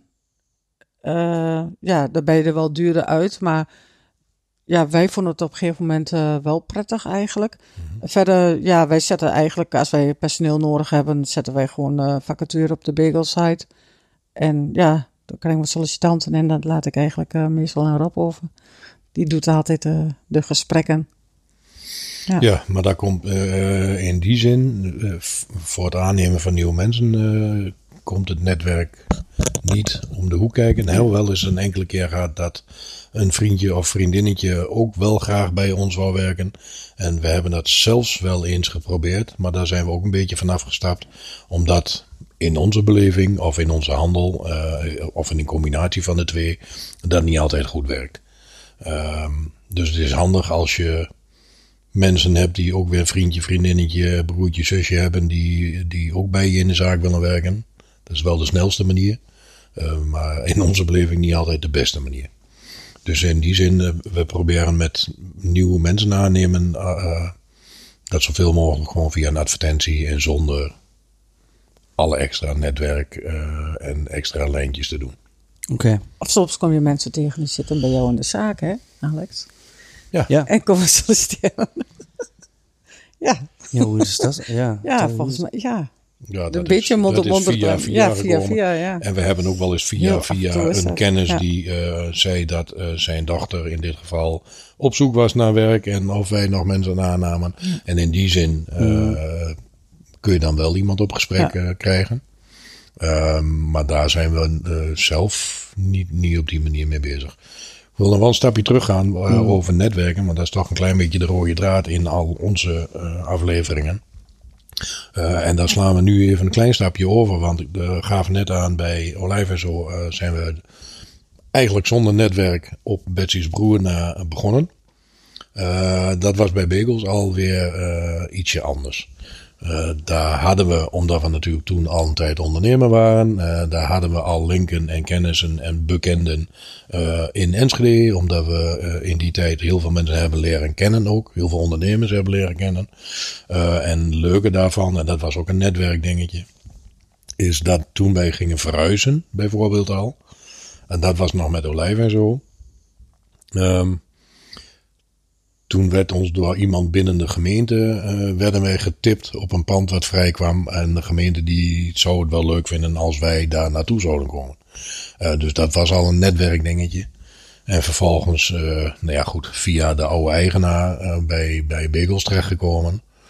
En dan zit je al wel veel sneller in, in je netwerkkringetje te kijken van hoe gaan we dit doen, hoe gaan we dat doen. Hoe moeten we het anders doen? Dan kun je alweer meer mensen vragen. Wat is handig? Wat is logica? Uh, je gaat met je netwerk waar je op dat moment hebt. De eigenaar van Bagels Beans zelf, die gaat ook mee naar de bank. Dus dat is ook een netwerkje. Dat helpt ook zeker bij de bank. Dan heb je iemand erachter staan die meerdere vestigingen heeft. Dus dat praat ook gewoon wat makkelijker. Dus ons netwerk was in die tijd al wel wat verder opgebouwd. En dat maakt het dan ook wel iets makkelijker om een tweede zaak, ja. wat er toen nog was, uh, weer op te starten. Omdat je dan ook zelf alweer wat meer kunt laten zien. En je kunt ook naar de bank toe al laten zien wie je bent. En ze kennen je ook gewoon dan al. Mm -hmm. Dus in die zin heeft netwerk wel, wel meegeholpen. De tweede keer. Ja. Zijn er uit olijven en zo een paar learnings of dingen die mis zijn gegaan? Uh, het gaan toch altijd maar dingen mis waar je van leert. Die jullie hebben meegenomen naar bagels en dus niet meer hebben gedaan? Qua ondernemerschap? Oeh, moet ik zo even nadenken. Want het is natuurlijk zo, bij olijf en zo moesten wij overal zelf uh, naar op zoek. Leveranciers, inkoop, alles deden wij helemaal zelf. Hmm. Uh, Bagels en Beans moet ik natuurlijk ook wel mijn inkoop zelf doen, mijn, mijn bestellingen. Maar heb ik wel vaste leveranciers. Dus ja, ik... En dat staat ook... Nou, okay. Ja, dat staat vast, de leveranciers hmm. natuurlijk. En bij Olijf en zo moesten wij dat allemaal eigenlijk uh, helemaal zelf een eigen netwerk uh, daarvoor opbouwen. Ja, in die zin is, is, is, franchise wel ja. gewoon een voordeel. Want ja. je hoeft bij een franchise natuurlijk niet allemaal alles, eigenlijk bijna niets meer zelf te bedenken. Wat nee. met de vorige zaak, en dat mm. was ook van de vorige zaak wel leuk. Ja. Dat was helemaal ons eigen bedenksel en ja. ons eigen ding. Dus daar deden we van A tot Z alles zelf. En ja. dat hoeft bij Bagels niet meer. En zijn, uh, zijn er dingen die wij meegenomen hebben of anders hebben gedaan? Uh, ja, natuurlijk doe je dingen nu anders, omdat je gewoon domweg niet alles meer zelf hoeft te bedenken. Eh, wat ik in het begin ook wel eens makkelijk vond, eh, maar moeilijk vond. Eh, omdat ik ook lang niet altijd met alles en iedereen eens ben. Dus als er dan binnen een franchise iets gebeurt waarvan ik denk van ja, pff, dat had ik wel anders gekund. Of misschien had ik dat zelf wel beter gekund. Denk ik dan altijd. Is niet per se zo. Uh, maar dat is dan wel de moeilijkheid uh, bij franchise. Want dan ben je wel in dienst van. En dan kun je het nog steeds gelukkig bij Bagels zeker wel wat van zeggen. Want ze staan daar gelukkig altijd open voor. Uh, maar dat was, dat was wel. Dat was wel even. Dat moesten we ook echt even anders gaan doen. Want ik kon niet, wij konden niet zomaar meer gaan zeggen van. Nou, uh, we willen nu iets op de kaart gaan zetten. Uh, omdat wij denken dat dat helemaal te gek is. Uh, dus dat gaan we doen. Dat kan en mag niet bij franchise. En dat snap ik ook. Maar dat was in het begin. Dat hebben we echt wel even anders moeten doen. Um, omdat je jezelf dan moet verantwoorden en je moet dingen navragen. Ja. Want ik weet nog dat ik een keer, en dat is geen issue geworden, maar een, uh, een marketing dingetje had bedacht voor uh, bij de nationale spoorwegen. En ik was daar zelf voor naar de NS geweest. En of wij een soort van samenwerkingsverbandje konden doen. Um, zodat alles en iedereen die in de trein zat, bijvoorbeeld een kortingsbonnetje, weet ik veel wat, uh, kon krijgen. En als ze dan uit de trein stapten, we zitten namelijk vlak, vlak bij het treinstation, um, dat ze dan bij ons zoveel procent korting kregen op een kopje koffie of een gratis kopje koffie, of weet ik, dat, weet ik allemaal niet meer. Um, maar dat had ik bedacht en dat vond, ik, dat vond ik ook een te gek plan. En daar was ik zelf ook al voor op pad geweest. Maar daar werd ik ook wel voor teruggefloten, want dat was natuurlijk nooit de bedoeling. Ja. Uh, dus daar moest ik, uh, daar moest ik wel even aan wennen. Dat ik dat niet maar meer zo allemaal zelf kon beslissen, omdat ik dacht dat dat zo leuk was. Mm -hmm. Dus dat is wel, dat is eigenlijk een van de weinige dingen die met franchise, of voor ons dan in ieder geval, wel anders was. Omdat wij gewend waren om alles zelf te regelen. Mm. En dat hoeft niet meer. En mm. dat, dat kan ook een voordeel zijn natuurlijk. Inderdaad, het heeft zijn licht en zijn schaduwkant. Ik kan me voorstellen, ook als je, als je in de problemen komt uh, qua rechten of uh, weet ik veel, irritant iets, maar je, je staat niet alleen. Hè? Je hebt wel een bepaalde nee. power achter je. Hè? Ja, zeker. Um, ja. Uh, jullie hebben het al, je hebt het al net gezegd met, met de kaart die jullie hebben. Betsy, jij hebt in het begin van het interview alvast aangegeven dat jullie een speciale vegan afdeling in de menukaart hebben. Ja. Ondeugend waren we Ja. ja. En um, ja. dit is dan blijkbaar niet zo bij elke bagels en beans. Nee. Dus jullie hebben daar wel um, uh, voor gevochten. Uh, dus daar kon het dan, dan wel. Uh, de, hoe, hoe is dat gegaan? Hoe, hoezo kon het dan wel? En, en waarom doen jullie dat? Vind ik gewoon, vind dat heel, heel erg spannend.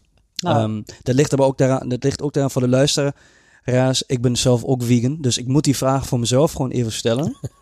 um, en wie dus uh, daar niet zo voor open staat, die moet even, weet ik veel, een minuutje verder skippen. Ja, schenk in wat te drinken. Ja. Doe wat Maar- leuks. Nou ja, wij zijn uh, allebei vegan. En ja, um, wij, wij vinden gewoon dat er op de uh, bagelskaart te weinig uh, veganistische producten staan. En ja, wij hebben ook heel veel van het personeel die vegan zijn. En ja, en wij merkten gewoon, ondanks dat we in Enschede zitten, dat er best wel heel veel vraag is naar uh, vegan producten. Dus ja, zodoende gingen wij eerst van één begeltje naar twee begeltjes. En dachten we van, nou, um, en als mensen wat graag meer wouden, nou ja, dan probeerden we dat gewoon voor de gasten te hebben. En op een gegeven moment hadden we zoiets van, nou ja, we maken gewoon zelf een vegan bijlage. En we geven dat uh, door. En ja, we zorgen gewoon dat we goede producten hebben. Dat is heel belangrijk, En hè? ook dat is wel in Ja. overleg gebeurd hoor. Ja, en, Mhm. en dat, uh, dat is ook een stukje vertrouwen wat je op een gegeven moment opbouwt. Dat um, ze wel weten van, als wij iets doen, dan weten ze ook dat we het goed doen. Hè?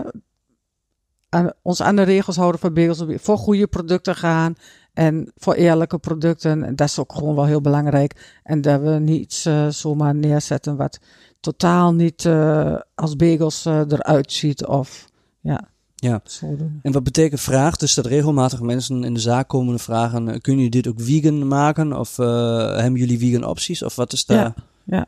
ja. nou, de tweede. absoluut. eh, Ja. Hebben jullie vegan opties? Ja. Kunnen jullie het vegan maken? gebeurt niet zo, niet zo snel. Eh, maar of wij veganistische eh, opties hebben, eh, zeker Ja. steeds meer. Ja. Mhm. Ja.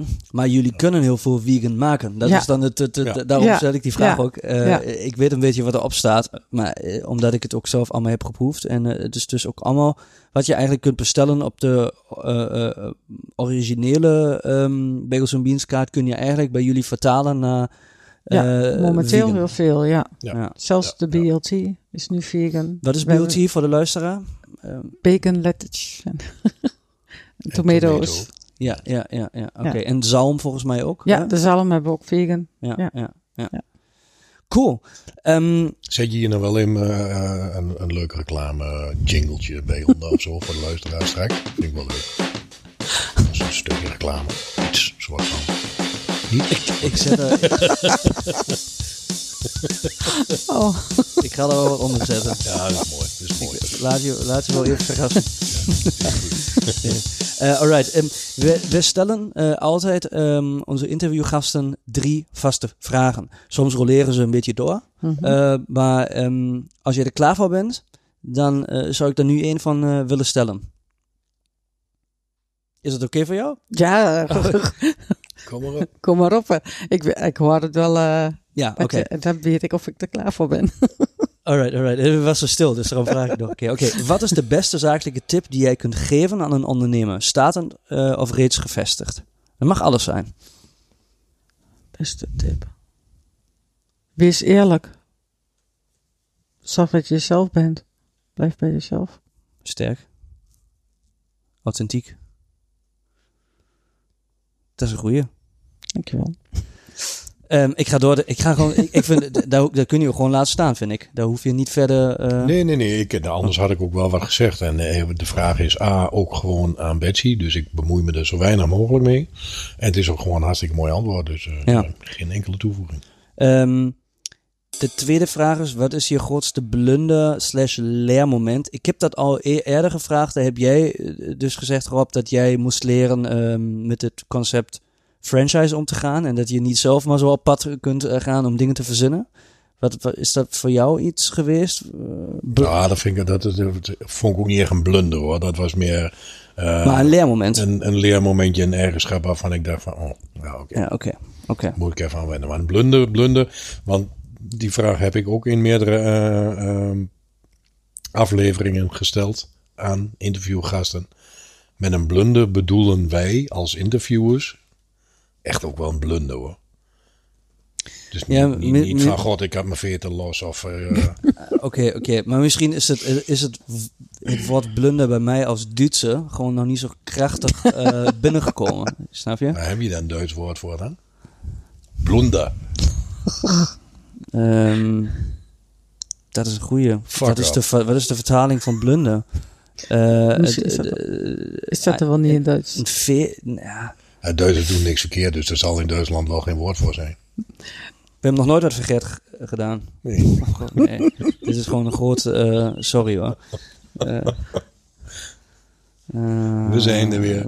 Nou, maar dat geeft jou Ja, nu wel even ja, tijd- inderdaad. tijd ik ik om zit daar- na om- te Je denken. kunt nadenken, eh, Bessie? Oh, Je ja, tijd. doe ik, ja. Eh, een, een patza, Hmm. een schnitzer eh, is het Duits. Eh, Maar een patza of schnitzer? Ja, maar dan snap ik ook niet- wel dat je het niet wist. Want Nee. het zijn echt allebei redelijk belabberde woorden. Oh, een, een bok schießen? Een bokschies. Domheid. Domheid. Ja, Maar dat is Ja. allemaal niet zo heel zwaar. Hè? Dat is, nee, eh, nou, ik vind nou wel ja. dat we het iets zwaarder moeten. Vind ik voor het Nederlands Oké. echt, echt een behoorlijke fuck-up. Nou ja, eh, blunder, ik, eh, blunder vind ik moeilijk. Ik weet wel dat wij in de tijd van Olijf en zo wel eens iets hadden dat wij op een beurs kwamen of zo. En dat wij allebei zo hadden van, oh ja, oh, dat is mooi. En dan koop je het in en dan verkoopt het totaal niet. En dat je voor de tijd denkt van, ja, dat is leuk. En dat, en ja, dan een voorbeeld het- van een product wat het is meer gebeurd? ja, dan is bijvoorbeeld iets met eh dan is een serie van bepaalde aardewerken dat je denkt van ja, oh, dat is mooi. En dan, ja, dan loopt het helemaal niet zoals je het zelf had verwacht. En dat, ja, dat is misschien niet echt een heel erge blunder, maar dat zijn dan wel eens dingen waar je van leert, vooral Ja, in het dat begin. Echt leer, ja, leermomentjes zo van, Mm. ja, ehm, dan vind je zelf iets heel mooi en dan, ja. Dit vind ik nogal ook eh, gewoon in, een in de horeca ook echt, echt wel spannend. En daar heb ik ook echt niet veel verstand van. Van hoe je bepaalt hoeveel je daadwerkelijk moet inkopen. Zodat je niet niks. Mhm. Ik, vind dat, ik vind het wel een belangrijke vraag. Mhm. Want ik, ik eh, denk veel daar over duurzaamheid en de toekomst van de wereld. En ik weet dat jullie dat ook doen. Mhm. Eh, maar hoe koop je ehm, dingen in en weet ook dat je weet je, en dat je ook zeker weet je verkoopt ze ook weer en hoef je en dat je ze niet hoeft weg te gooien. Ehm, dat stel ik me wel lastig voor. En als je da en daar je blunde, ik, ik snap het wel. Dat ja, bij, bij Olijven zo was het vooral ook om, dan hebben we blunders ook omdat het dan grotere bedragen zijn. Hè? Mhm. Kijk, eh, van een soort aardewerk of zo, of dat je eh, een paar eh, aardig wat liters olijfolie eh, inkoopt en dat die in één keer blijft staan omdat niemand hem lekker vindt. Maar bij, eh, zoals bij Bagels en Beans met de inkoop, ja, weet je, ik krijg twee keer in de week levering, dus dat is aardig inschatten. Ja. En dat is gewoon goed nadenken van, nou, weet je, ik, ik krijg dinsdag mijn, eh, mijn bestelling. Ik heb zoveel dagen, eh, wat verkoop ik ongeveer? Dus je weet Mm. als, normaal gesproken weet je wel ongeveer wat de. Nou, in deze tijd is het heel lastig inkopen, want je, je hebt, je draait niet gewoon een normale dagen. Ja. Maar ja, verder eh, ga, ja. Ja. ik, Is dat ik, ik ervaring, in, denk eh, Ja, en in, eh, in echte twee. Echte blunder blunders. eh, en die vallen voor mij en voor ons allebei ook zeker wel in die categorie. En die zijn ook allebei eh, heel persoonlijk, eh, maar direct heel zakelijk geweest. Dus ik ga er niet verder over uitweiden. Maar dat zijn wel de dikste blunders die je als ondernemer in het algemeen kunt maken. Dat wij in twee gevallen eh, en bij beide zaken ehm, wel eens te goed van vertrouwen zijn Oh ja. geweest. Ehm, en mensen hebben geloofd op hun goede intenties of op, zoals we hier in Nederland altijd zeggen, hun blauwe ogen. Eh, en dat heeft ons in beide gevallen echt heel veel ellende en heel veel geld gekost. Eh, dus als je het over een behoorlijke blunder wilt hebben, neem ik met name ook me of ons zelf kwalijk. Dat zijn inschattingsfouten die wij zelf hebben gemaakt. Ehm, maar dat valt voor ons onder een behoorlijke zakelijke blunder. Omdat het heel veel geld heeft gekost. En daarbij eh, heel veel stress en energie en eh, alles daaromheen heeft gekost. Eh, dus voor iedereen die dit hoort. zorg dat je die zakelijke blunder nooit maakt. Dus alles wat je bedenkt, wat je wilt doen. eh, zorg dat je alles zoveel mogelijk op papier hebt. Dus alles wat je al bedenkt, hoe leuk dat ook lijkt en hoe vriendelijk of iedereen om je heen ook allemaal lijkt, eh, zorg dat je iedere zakelijke beslissing zoveel mogelijk van A tot Z op papier hebt. Misschien juist wel bij mensen waarvan je denkt van nou, dat gaat mij nooit gebeuren. Dus ja, dat waren twee behoorlijke fuck-ups voor onszelf. Eigen schuld, maar heel veel van geleerd. Sterk. Wauw. Ja. Alright. Dan zou ik de laatste vraag stellen. Eh, en je hebt het net al een beetje, het, het- misschien, ik weet niet of het daarmee te maken heeft, maar je zei ook dat het lastig is eh, inkopen op dit moment. Ehm, ik weet dat het lastig is om in te schatten in deze situatie waar we nu in zitten. Eh, maar hoe eindigt jouw zakelijk bestaan? Hoe, hoe zie je dat voor jou? En daar kan nou, eh, daar kun je misschien de, probleem, eh, de problemen rondom corona bij ingooien in die, in die pool.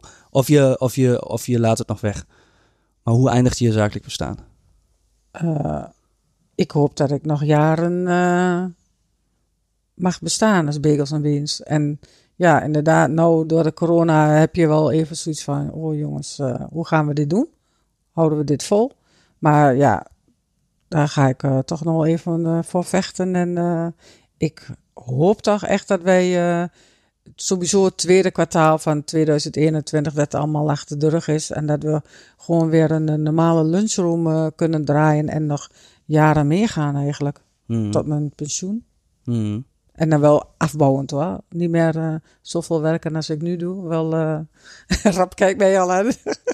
Ja, Dus, ik, ik eh, ben ook benieuwd. Ik, ik, ik denk dat ik het wel ongeveer weet, maar... maar Dus echt wel eh, langzaam eh, minder uurtjes gaan werken. Want ik werk nog wel fulltime in de zaak. En ja, dat is best wel... eh, Daar kun, je ook, daar kun je als baas natuurlijk ook voor kiezen om het Ja. niet te doen. Nee, maar je doet het wel omdat... eh, ik het wel heel leuk vind. Ja. Oké. en Maar ook, ook, ook omdat je controle wil hebben? Of, eh, of zijn het allebei? Of, eh, ja, je kent me een beetje. Hè? ja. Ik ben wel een beetje controlefreak inderdaad. Maar ja, maar misschien... maar ik kan het, misschien ja, sorry, wat al was, is minder, moet ik zeggen. Maar misschien... Sorry hoor, dat was niet... ja, ehm, misschien is dat ook een reden voor de succes, hè? misschien wel, ja. ja. Dus dat is natuurlijk wel... En dan is het lastig te zeggen, ik, stap, eh, ik doe een stapje terug. Want ik ben bang dat het eh, dan iets minder gaat met de zaak. Omdat je het vertrouwen in de hand moet leggen bij iemand die het misschien minder goed doet.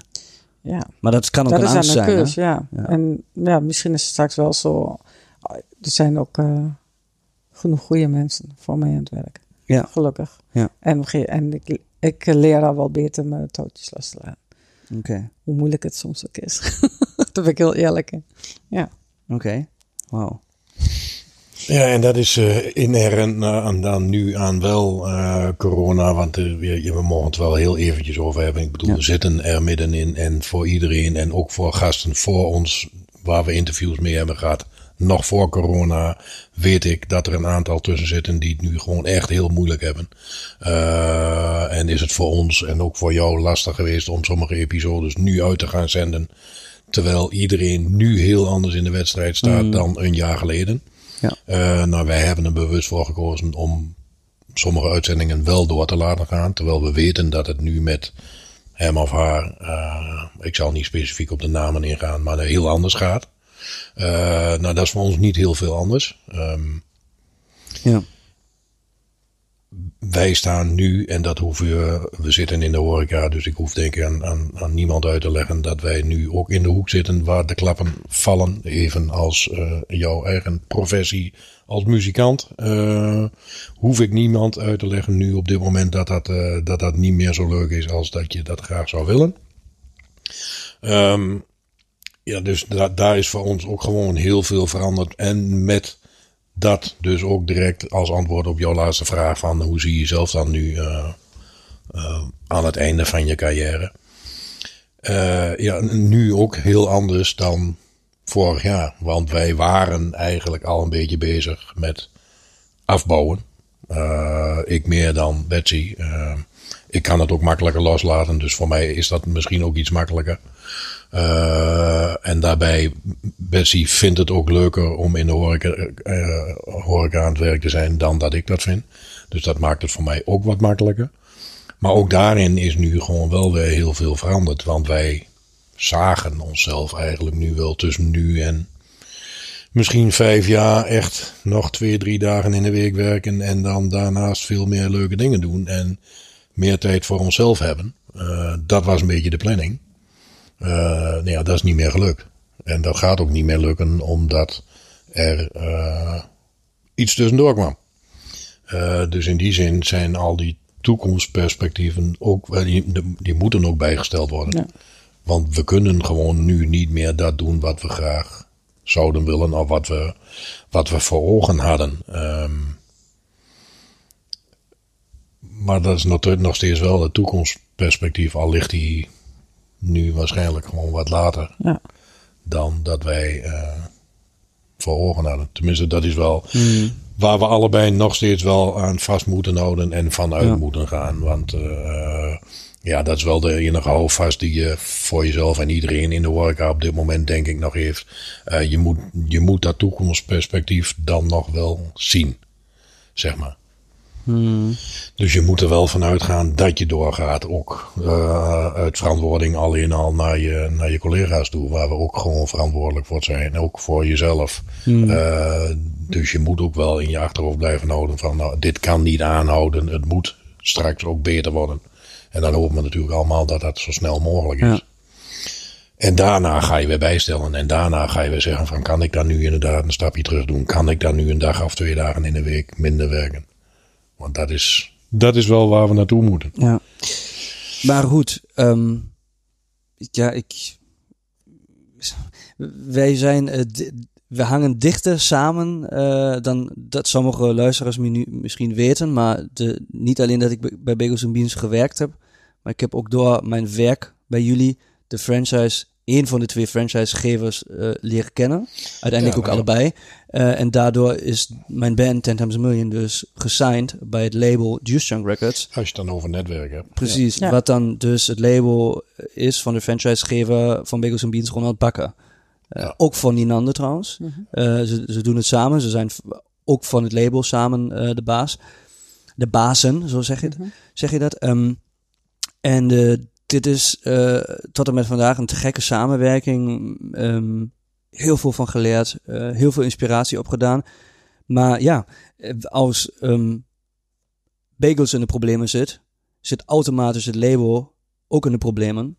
Omdat het... eh, en, en dan eigenlijk is het minder belangrijk dan bagels. Dus, dus dan, dan heeft corona natuurlijk ook op dit vlak gevolgen voor ons. Op dit moment, ehm, eh, naast het feit dat we ook helemaal niet kunnen spelen.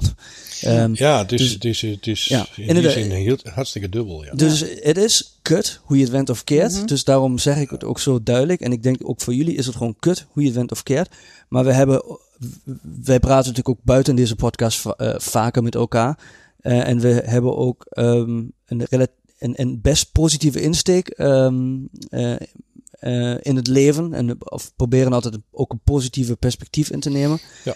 En om dit misschien een beetje af te sluiten en niet te lang te maken, dit verhaal. Maar wat ik heb gezien, zeg maar, um, ook de lockdown. Ik woon in Keulen, maar de, da de dagen voor de lockdown, daar heb ik het gevoel gehad dat de mensen drie keer extra naar de restaurants zijn gegaan, omdat ze wisten daarna gaat alles dicht. En daar is zo'n grote behoefte ehm, voor, voor lunchrooms, voor, voor uit eten gaan, voor Ja. ook een stukje, Ja. niet alleen maar normaliteit, maar soms wil je gewoon soms is het- toch gewoon ook lekker dat je, je in een, ja, waar we het al over hebben, in een mooi ambiente, met een mooie sfeer wordt eh, bediend met goed eten. Het is ook gewoon een, een heel groot sociaal ding. eh, wat, wat de meeste mensen ook gewoon. eh, Nou ja, ik denk dat de meeste mensen dat niet vergeten. Maar dat wat nu veel meer binnenkomt bij mensen. Evenals dat ook de cultuur en de muzieksector is waar je zelf in zit. En daar hebben mensen ook weer zin in. ja, ja. Ja. Ja, het is, het is gewoon een sociaal iets. eh, los van dat lekkere broodje. eh, of los van het cd'tje wat je thuis op kunt zetten. Als jij naar een concert gaat. Of eh, naar een theater gaat.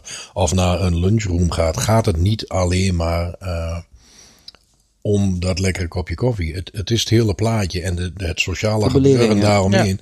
Maar dat is wat mensen ook in het algemeen allemaal heel erg nodig hebben. Het, is, het zit heel erg in onze menselijke aard om dat nodig te hebben. Dus daar, ik denk dat wij daar en jij, jullie eh, eh, en de meeste professies daar nu ook heel erg op hopen. En misschien ook wel vanuit gaan dat als straks alles weer wat losser is, als straks alles weer mag. Eh, en dan, ik wil het, eh, het geen nieuw normaal noemen, maar een ander normaal als we straks in een andere fase terechtkomen, laat het dan zo zeggen. eh, dat die behoefte ook sterker terugkomt dan ooit. Dus dat jullie meer op moeten treden dan dat je ooit verwacht had. En dat wij het veel drukker krijgen dan dat we ooit hadden kunnen dromen. En dat is denk ik waar je met z'n allen nu een beetje, beetje aan vast moet houden. Omdat mensen dat ook graag in willen halen. Daar ga ik ook wel vanuit. Ja, ja.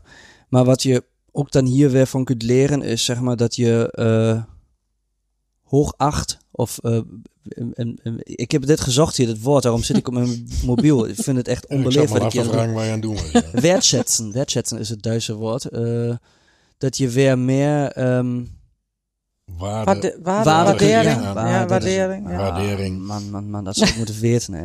Kop. Ach ja, ehm, maar eh, eh, dat, eh, dat, je, dat je inderdaad weer heel veel waarde aan dit kunt geven wat je nu niet hebt. En nog veel meer als dat het daarvoor het geval is. En daarmee bedoel ik de kleine dingen, weet je. Een Ja. kopje koffie met je, Ja. met, je eh, met een vriend Mhm. eh, of een studiecollega of, of een weet ik veel. Ja. eh, is misschien zo vanzelfsprekend geweest. En nu Ja. Nou, zeker. Is het dat niet?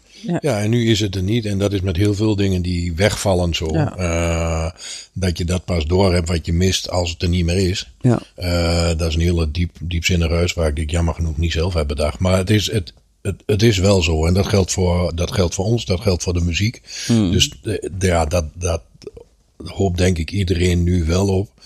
Dat die waardering straks veel groter is als voorheen. Omdat de mensen het nu allemaal ook gewoon moeten missen. En dat had niemand verwacht. Maar dat hebben we ook al na de eerste lockdown gemerkt. Hè? Ja. Toen we in, juni weer open mochten en er mag maar eerst 30 mensen binnen.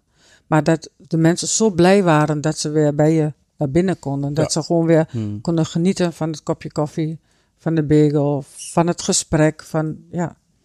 En dan was het dan nog wel met al die strikte regels. En ik hoop gewoon straks inderdaad dat dat eh, in het tweede kwartaal van 2021 niet meer nodig is door de vaccins. Zodat we dan weer gewoon kunnen doen zoals het altijd was. Mensen komen lekker binnen, zoek een plekje op en ja, lekker zitten en laat je verwennen. En eh, ga blij weg als je binnenkomt. Dat is al het motto van Bagels, hè? Ja, en dan nu dan in het kwadraat. Dus Ja. dat de waardering nu nog veel hoger Ja. wordt dan dat die ooit is geweest. Dus dat ze nu eh, eh, allemaal met een dansje de deur uitgaan, zeg maar. Of als ze bij jullie zijn geweest, bij een concert zijn geweest. Want deze aflevering mag ook best een beetje over jullie gaan. Eh, dat mensen ook veel, veel meer doorhebben straks. Wat ze eh, gemist hebben. Wat ze allemaal gemist hebben. En dat dit veel meer gewaardeerd wordt Ja. dan dat ooit is geweest. Dat zou, Ja, mooi, dat zou een mooi positieve eh, wending aan, aan dit hele, zoals jij zegt, kutverhaal zijn. Want er heel veel andere woorden zijn er inderdaad niet voor. Ja, maar eh, afsluitend, ehm, bagels en beans en muziek, dat, eh, dat grijpt samen inmiddels. Ja, hè? Als je de menukaart... Ah, al, al heel lang. Ja, Ja. al heel lang. Dat heeft natuurlijk ook te maken met de achtergrond van de franchise, franchisegevers. Ja. Ehm, maar je ziet het ook terugkomen in de menukaart. Het is Ja. super creatief bedacht. Ehm, het, is, eh, het, het neemt je gewoon mee, ook op een reis. Dus eh, je, in principe zou je ook zonder je smartphone, dat vind ik altijd heel leuk, eh bij Bagels binnen kunnen komen. Je, kun je, je kunt je vermaken met de mensen die er zijn, maar je kunt je ook vermaken door de dingen te bekijken die op de tafel liggen. En eh, daar kun je wel heel veel ehm, ook ehm, ervaren vanuit de filosofie van Bagels and Beans. Dat was al heel lang. Eh, Maar nu ook zeg maar in de, co- de combinatie met muziek. Dus ehm, ik, ja, ik snap die stap dat er een label is opgericht vanuit Ronald Bakker. ehm, heel goed. En ik ben Ja, eh, heel, eh, als we over waardering eh, spreken, heel dankbaar dat we daar mogen zijn. Eh, en ook de waardering naar jullie toe, want die link was nooit gekomen, had ik jullie niet gekend. En eh, zo hebben we weer, en Ja. je zei het al eerder, het netwerk ehm, eh, ehm, bij elkaar eh, een beetje op een rij gezet. Ja. Ehm, maar over waardering ook gesproken, ik zou ehm, hier eh, nu een streep onder zetten. Ik vond dit echt een heel mooi gesprek.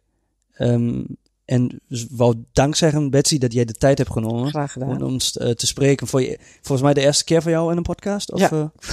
Ja, inderdaad. Ja, Ik ben, ik ben gedaan, hoor. normaal niet zo van het praten hoor. Ik laat het altijd, de praatjes eigenlijk altijd erop over. maar daarvoor heb je, dat, ehm, heb je dat echt heel goed gedaan hoor. Dankjewel. Dus, eh, Ging helemaal prima. Ja. Ehm, Rob, ook jij bedankt. Graag gedaan. eh, Jij ook bedankt. Ja, voor ook ehm, niet alleen maar een soort van meer vragen, maar ook meer antwoord geven en een beetje de tussenpositie invullen. Ja, was lastig. Ik wist zelf nog niet wat de bedoeling was. Maar Ja, maar dat mag niet. Ik denk dat ik denk de luisteraars hebben het wel Ja, een ja. beetje eh, begrepen. Eh, ook eh, waardering aan de luisteraars toe dat ze, eh, dat ze mijn Nederlands eh, kunnen eh, eh, ertragen. Kijk, ik, ik, ik mis Verdragen. Ja. verdragen, verdragen. Dat ze, dat mijn, mijn Nederlands willen horen. Ehm, ik doe mijn best. Eh, dus, ehm, en de laatste waardering die ik uit wil spreken is, we hadden het eh, over olijf en zo en over tapas. Eh, we zitten hier vanavond ehm, bij jullie thuis en we hebben net eh, heerlijk eh, vegan tapas gehad. en dit was, lekker. was echt heel erg lekker en daar merk je dus ook echt eh, de passie. Eh, en dat dit op, eh, oprecht is en eerlijk is, waar je het over had, Bessie. Ehm, dus ehm, ik, eh, ik hoop dat dit ehm, na deze corona-lockdown nummer 2 voor echt wel weer de goede kant op gaat. En eh, meer mensen van deze passie kunnen genieten die jullie twee eh, ehm, meebrengen. Ja, voor. dat hoop ik ook. Gaan we gewoon vanuit. Daar gaan we doen. voor. Ja, Alright, dus bedankt en ja jij eh, ook bedankt. fijne Ja. avond. Doei. Dank je. Doei.